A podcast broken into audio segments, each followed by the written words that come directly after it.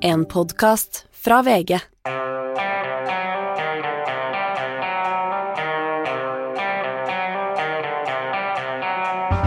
Ikke visste jeg at alle disse dagene som kom og gikk, det var selve uke 50. I dag er jeg Anders Giæver, for Anders har rett og slett eh, fått manflu, han er blitt sjuk.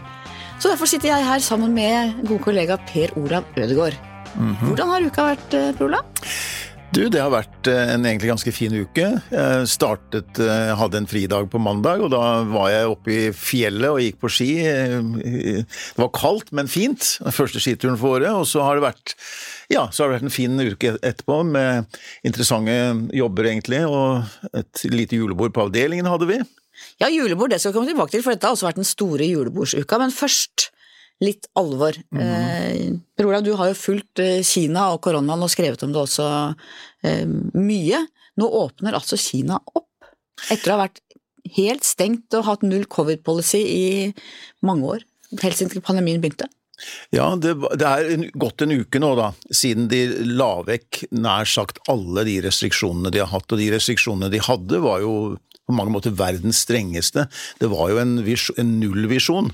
Um, Det skulle, det skulle ikke være det skulle være zero covid i Kina. Og det, det var en linje som myndighetene fulgte veldig strikt i alle disse, eller, ja, i nesten tre år nå. da. Eh, Og det innebar jo at de stengte ned byer eh, eller, eller bydeler, bare det var et par smittetilfeller. De stengte jo folk inne, Murte igjen eh, bygårder og sånn. Nettopp, og, og Shanghai for eksempel var jo mer eller mindre nedstengt i åtte uker i vår. Eh, og de skulle da altså bekjempe viruset, de ville ikke akseptere noen tilfeller. Og så var det jo, som vi husker, disse store demonstrasjonene i flere kinesiske byer mot covid-tiltak. Og det var jo stort sett, og det var stort sett storbyer, ikke sant. Det var Det på en var måte nyutdanna og middelklassefolk som begynte å protestere, og det er farlig for regimet. Det var i Beijing, eh, det var i Shanghai, det var også i Wuhan, hvor viruset først viste seg. Eh, Og det gikk ikke mange dagene etter at myndighetene eh, med Xi Jinping i spissen erklærte da at eh, disse tiltakene skulle lempes på. Nå ville de jo ikke la det gi inntrykk av at de gjorde dette fordi folket krevde det. Eh, Dette ble jo fremstilt som om det var noe de hadde planlagt lenge, men det var ingenting som tyder på at det er riktig, fordi det skjedde veldig brått, og uten de forberedelsene som eh, jeg ser flere av disse som, flere eksperter på smittevern som sier at når de først valgte å holde på de strenge tiltakene, så burde de trappet eh, ned over tid og sørget for eh, også å vaksinere en større del av befolkningen før de slapp helt opp. Og de har jo dårligere vaksiner også enn det vi har hatt i Vesten, men de har har litt sånn prestisjehensyn ikke villet eh, bruke de beste vaksinene, de vil bruke egenproduserte kinesiske. Det kommer jo også til å slå tilbake nå. Så er det klart at de har mange gamle som ikke vil vaksinere seg, så dette kan bli skikkelig stygt. Og du forteller jo om ikke sant, overfylte sykehus. eh, Dette kan bli helt sånn bildene vi så fra Italia i begynnelsen av pandemien, og kanskje enda verre.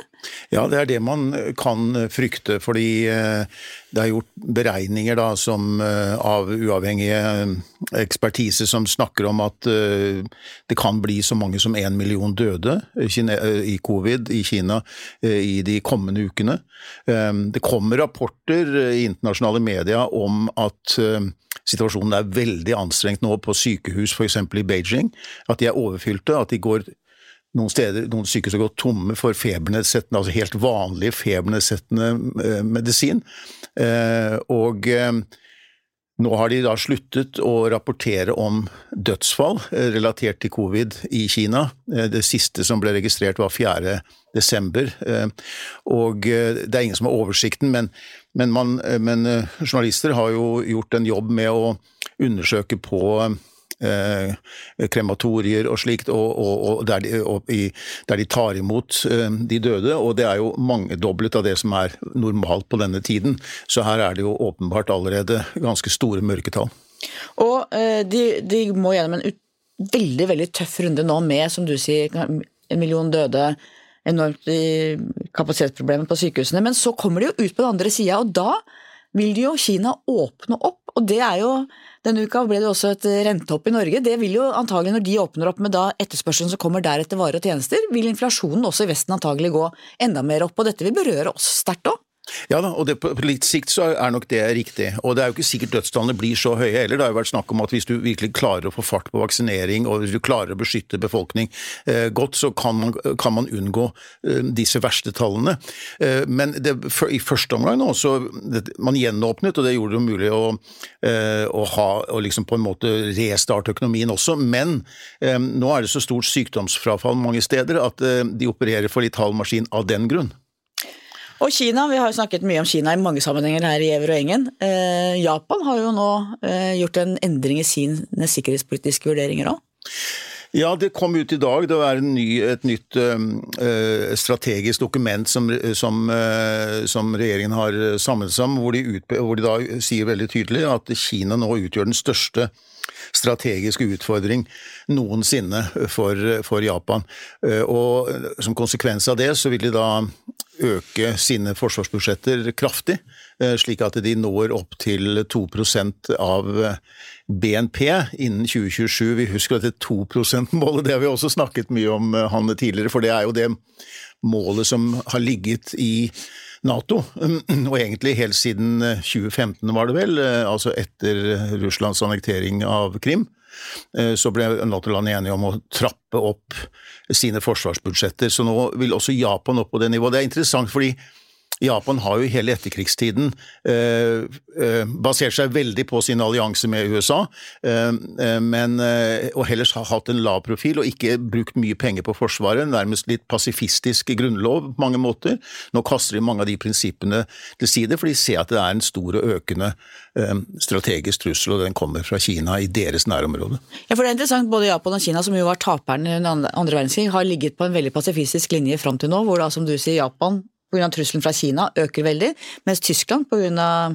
krigen i Ukraina øker veldig. Så det er Ja, Du mente vel å si Tyskland og Japan, og ikke Kina og Japan? Ja, unnskyld, ja, du har helt rett, Bror Tyskland og Japan, de to ja. som tapte annen verdenskrig, at de begge har nå rusta opp med hver sin eh, store sikkerhetspolitiske utfordring, som begge angår oss. Absolutt, og for Tysklands del så er det jo sånn at Tyskland vokste jo i etterkrigstiden til å bli den store økonomiske makten i Europa, og veldig stor økonomisk betydning. også så stor politisk betydning, men de hadde jo ikke matchet det med en sikkerhetspolitikk, fordi de, de, de, holdt tilbake. De ville ikke fremstå som truende igjen, eller at de får dominerende, og de, ville, de var nølende, påtok seg noe stort ansvar på den måten. Det har endret seg nå, eh, og de har jo satt av et kjempefond eh, tror det er på 1000 milliarder kroner som, over noen år, da, som skal settes av til forsvarsformål.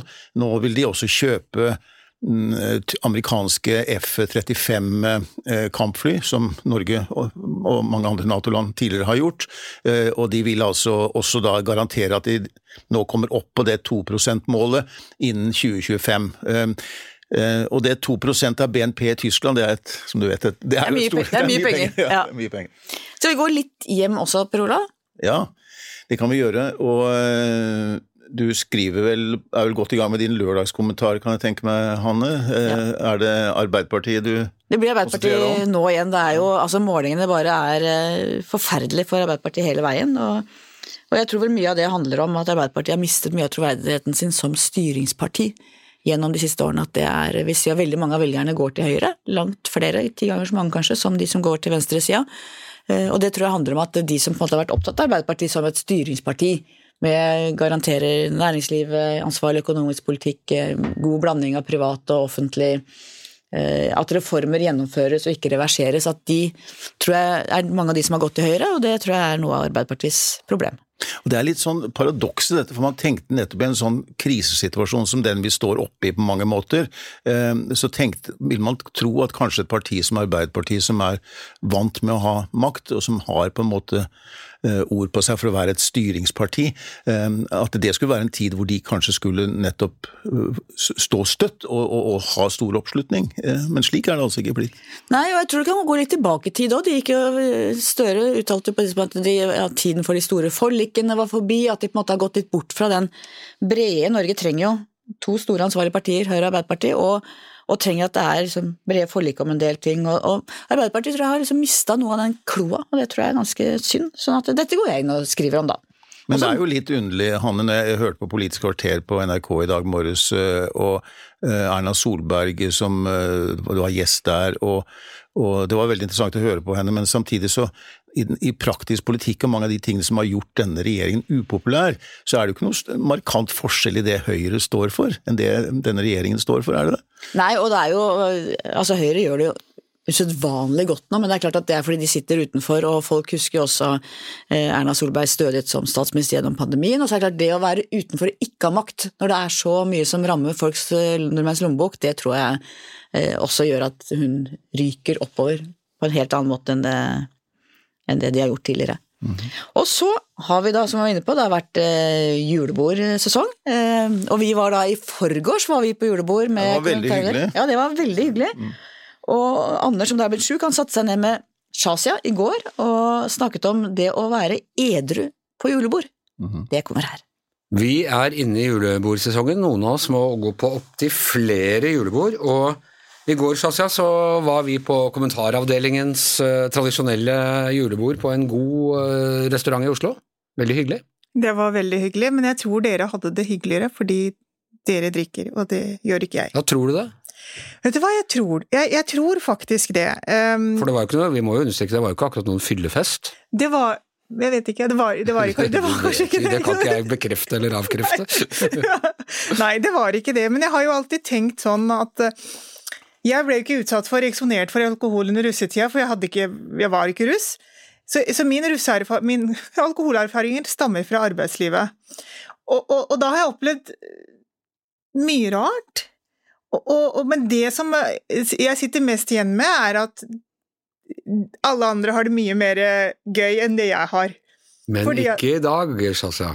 Nei. Her sitter du og stråler, mens jeg har hatt bedre dager på jobben, det må jeg si. Ja, det er den eneste, det, det, er vel kanskje den eneste fordelen som du minnet meg på i dag, men vanligvis så tenker jeg at uh, Jeg liker jo ikke å si det, eller, eller, liksom synes synd på meg, men jeg føler meg utenfor. Mm. Uh, I hvert fall rundt midnatt.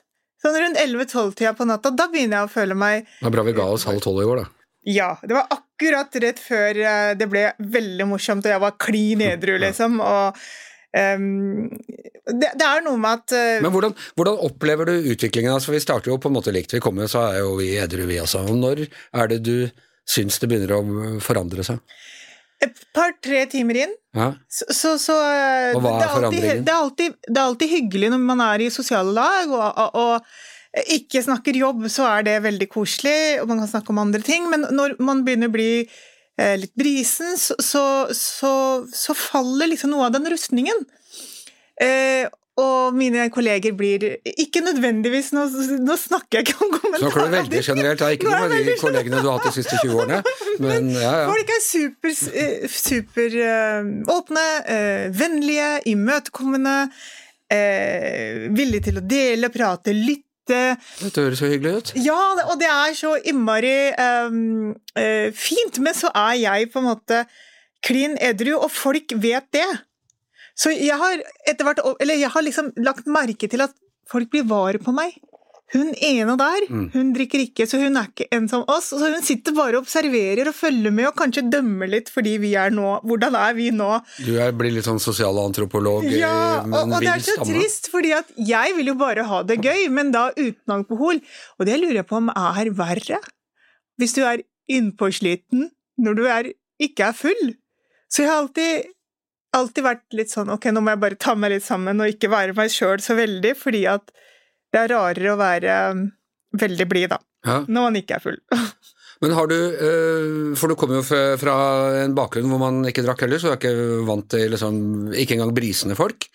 Eh, og hvordan opplevde du da møtet med alkoholkulturen i, arbeidslivet, da du begynte å jobbe og sånn? Oh, var... Og som student, da var du vel også i, i miljøer hvor man ikke drakk? Ja, fordi, ja, fordi at min sosialisering i, studenttida mi var jo pakistansk studentsamfunn, og da var det ingen som drakk. Eh, definitivt ingen. Eh, nei, det, min, eh, min, første liksom, litt sånne såre opplevelse var jo første julebord jeg var på på jobb, og dette var en litt sånn større bedrift, og han som var Ademdir, eh, skjønte jo ikke jeg egentlig at nå var full, for han var så superinteressert i meg og hva jeg gjorde gjorde, og hvordan jeg trivdes, og hvordan jeg hadde det. Begynte å snakke om barna mine, da var jeg småbarnsmamma osv. Vi bare, vi, vi bare bonda skikkelig, da, jeg og han. Og det syntes jeg var veldig fint, for endelig var jeg innafor eh, gjengen. Og så, dagen etter, så ser jeg han i gangen og bare 'hei!' Og så kom jeg bare sånn veldig avmålt hei tilbake. Nikk bare. Det var lørdag han møtte mandagen i Ja. Og, og, var, og, da skjønte jeg på en måte at nå var rustningen Eller at det var en rustning. Og nå var den tilbake, og nå er, nå er hierarkiet på plass igjen. Så det, det var litt sånn uh, brå læringskurve der, da. Så nå vet du at eh, hvis, eh, hvis vi drikkfeldige er hyggelige mot deg på julebordet, så skal du ikke ta det som noe Det er bare en midlertidig tilstand? Ja, og det er det som er, det er, det som er litt rart, da. Uh, når man observerer det fra utsiden. Og så tror jeg også at det at um, kolleger er sammen på den måten og drikker sammen De kommer tettere sammen. Mm. Det blir dannet tettere bånd fordi at man deler en opplevelse sammen. Eh, jeg har aldri klart å komme meg helt inn der. For jeg, også når vi har hatt julebord også hjemme hos kolleger osv., og, så videre, og da blir det jo gjerne musikk og dansing, og liksom har, det har blitt danset på bordet, og jeg har bare tenkt fader, jeg vil danse på det bordet. Og så tenkte jeg jeg kan ikke gjøre det, fordi, fordi folk vil tro jeg er helt gæren, liksom, hvis dette er nivået på hvordan Shazia fester jo, jo, uten å drikke. Hvis, hvis, de er fulle, så tenker ikke de så mye over hvis du begynner ja, Nei, kanskje ikke, men, men jeg har selv men, lagt bånd på meg. For du slipper jo en del ting òg. Altså, det er jo mye bondeanger etter sånne julebord, og folk som har plutselig funnet ut at skal fortelle ikke bare sjefen, men flere kolleger mm. hva hun egentlig mener om dem. Og, og det er jo ikke bare et sånt eh, indre hellig fellesskap, det er også noe som virkelig kan ha skapt problemer for folk i arbeidslivet. Ja, og det er jeg helt sikker på, men det vet jeg ikke noe om. Jeg har, ikke, jeg har, ikke, vært der, skjønner du. Nei. Har du har ikke driti deg ut i fylla? Nei, jeg har ikke de referansene som ikke sant, du så La oss si i går, da, hvis det hadde skjedd et eller annet mm. Eh, som alle snakker om og så, Altså det når du også er edru, så er det ikke noe gøy å være der etter sånn tolv. Da drar du hjem. Ja. Selv om du har lyst til å være der, men så er det sånn Nei. nei. Så jeg er jo aldri lenge nok. Nei. Til å oppleve skandalene? Skandalene. Nei. Og til å, ha, til å være Bare med på den praten. Bare se at folk blir mørkere og mørkere i blikket og tenker nå er det rett før nå, de ja. blir demoner her. Men jeg har aldri, eh, heldigvis da, og det er sikkert noe med at jeg drar tidlig hjem, jeg har aldri opplevd noe sånn særlige ubehageligheter, og folk har vært superhyggelige. Det er bare det at den der dagen der på den tristheten når de er hva skal jeg si, ikke seg sjøl, men når, de, når, den der fasaden kommer på plass igjen. Så det er ikke, altså For det jeg kanskje ville tro, var at eh, du syntes at folk ble for rødt, og de var for uh, Kanskje det, det, det, nå skal jeg fortelle deg, og sånn, men du syns problemet er at de blir kunstig hyggelige, og du vet at det bare er kunstig? Ja, men blir de kunstig hyggelige, Anders? Er det, det, er det jeg lurer på. Er det, er det den du er? Den du virkelig er, eller er det det er, jo, det er jo for eh, avkoblingens skyld. Og det høres jo, du hører at det høres bra ut, ikke sant? Har du aldri drukket noe som helst, altså? du har ikke testa det én gang? Jo. Ja. Jeg, har, jeg har, eh, altså tatt en slurk med champagne, jeg har det. Men du, eh, bare helt til slutt, hva, hva bør vi som drikker tenke på når, når, det gjelder å omgås folk som ikke drikker i sånne sosiale sammenhenger? Jeg, jeg tror, altså Det jeg savner noen ganger, er at man Eller jeg tror det også er litt sånn fordommer fra min side, for jeg tror at du ikke har rom for meg som er edru, men er kul. Ja, så, skal jeg si det, jeg tenker ikke over det. Ikke altså, på et eller annet tidspunkt, så Jeg vet akkurat når du kommer og har noe alkoholfritt i Shasa, så glemmer jeg hva du holder på med, liksom. Og så tror jeg at vi er på samme Og det er heller den der litt Jeg tror vi er på samme trippen, så jeg babler i vei. Og, ja, ja. ja men, men, men, det jeg um Folk tror på en måte, eller tar for gitt at jeg, jeg, kan være litt kjedelig, at jeg er så ordentlig og prektig og uh, ikke vet hvordan jeg skal ha det morsomt, men de absolutt kuleste festene jeg har vært på, er jo pakistanske bryllupsfester hvor mm. ingen drikker. Nei.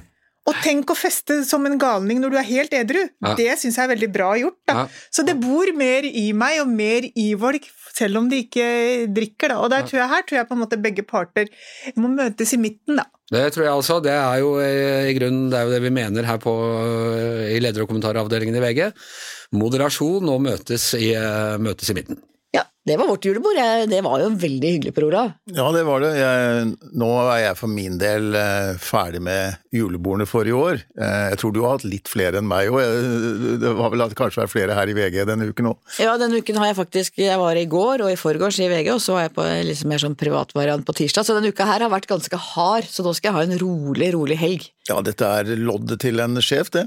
ja, uff, det er fælt, det koster. Nei, det har vært veldig hyggelig. Det har vært veldig hyggelig. Og så må jeg få lov til, før vi avslutter helt, å reklamere for uh, min egen podkast uh, Skartveit, hvor jeg har snakket med Astrid Sverredatter Dypvik denne uka om Tyskland. Hun er historiker og har skrevet flere bøker om uh, Tyskland, og nå snakker vi altså om høyreekstremismen. Nynazismen, de kreftene som nå vinner fram i Tyskland, er ganske skummelt. og Vi går også inn i den lange historien av øst og vest. og Jeg vil si at jeg syns det ble en veldig spennende samtale. Hun er en utrolig kunnskapsrik og kul dame. Med det er denne fredagens Giæver og gjenger-gjengen slutt. Takk til Shazia Majid, takk til Anders Giæver, takk til Per Olav Ødegaard, jeg heter Hanne Gartveit, og vår mann ved spakene. Jeg kommer ikke på noe morsomt å si, Magne, for jeg har ikke Anders sin greie på det, men det er altså som vanlig Magne Antonsen.